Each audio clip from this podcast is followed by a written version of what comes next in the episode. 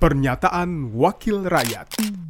Pernyataan Wisnu Wijaya Adiputra, anggota Komisi 8 DPR RI fraksi Partai Keadilan Sejahtera, daerah pemilihan Jawa Tengah 1, saat rapat kerja Komisi 8 DPR RI dengan Menteri Agama membahas laporan keuangan pelaksanaan haji 2023 dan kuota tambahan haji 2024, Senin 6 November 2023. Sebagaimana kita ketahui, jumlah kuota haji tambahan kita untuk tahun 2024 ini adalah 20.000 jamaah namun sangat disayangkan jumlah petugas haji dari data yang saya dapatkan, apakah ini maka perlu tabayun, petugas haji justru akan dikurangi sebanyak 2.000 personil atau separuh lebih, sehingga jumlah petugas diprediksi hanya 2.600 orang dari 4.200 sebelumnya.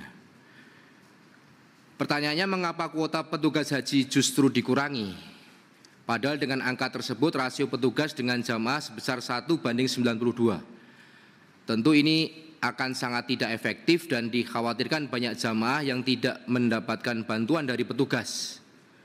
Untuk itu kami meminta agar petugas haji tahun 24 seminimalnya sama dengan tahun 23 bahkan jika bisa ditambah karena ada tambahnya ada tambahan kuota haji untuk tahun 2024 ini. Dan yang perlu saya tekankan lagi petugas haji ini juga perlu dipastikan punya kompetensi yang memadai.